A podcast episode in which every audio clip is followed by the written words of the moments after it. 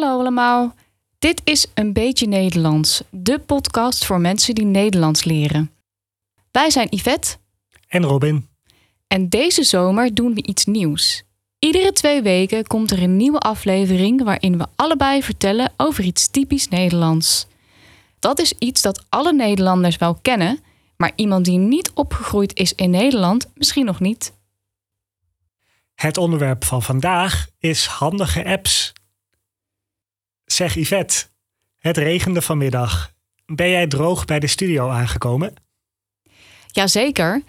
Ik check natuurlijk altijd even de weersverwachting voordat ik de deur uitga. Heel slim. Waarschijnlijk gebruik je dan de app Buienradar, of niet? Ja, uiteraard. Dat is in Nederland eigenlijk ook wel echt een essentiële app. Het weer kan hier natuurlijk op ieder moment veranderen. En het is niet fijn om een regenbui op je hoofd te krijgen.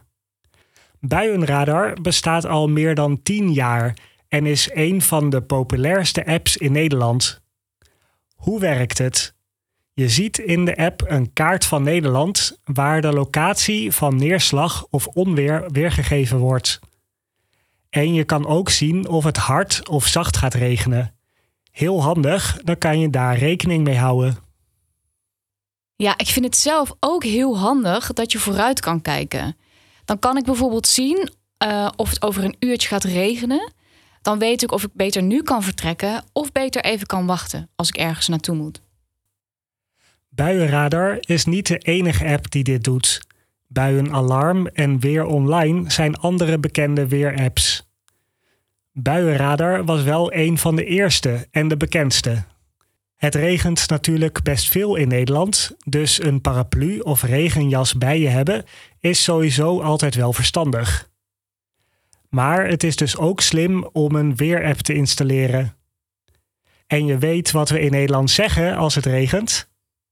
Nou, Goed voor de plantjes.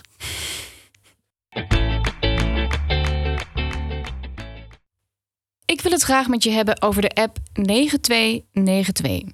Gebruik je die wel eens? Jazeker. Altijd als ik met de bus of met de tram moet reizen. Ik ben niet heel verbaasd, want 9292 is een van de populairste apps van Nederland.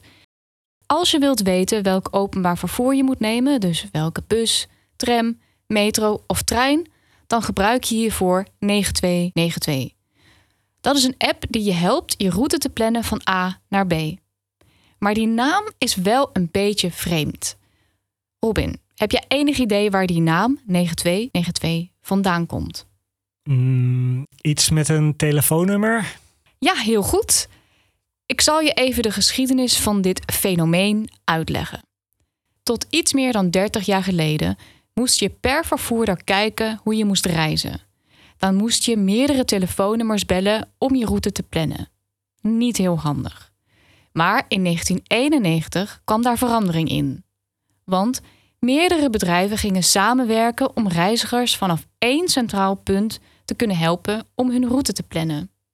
Er kwam een landelijk telefoonnummer 06 92 92. Het idee was dat als er betere informatie kan worden gegeven over hoe je van A naar B reist, dan zal het gebruik van het openbaar vervoer toenemen.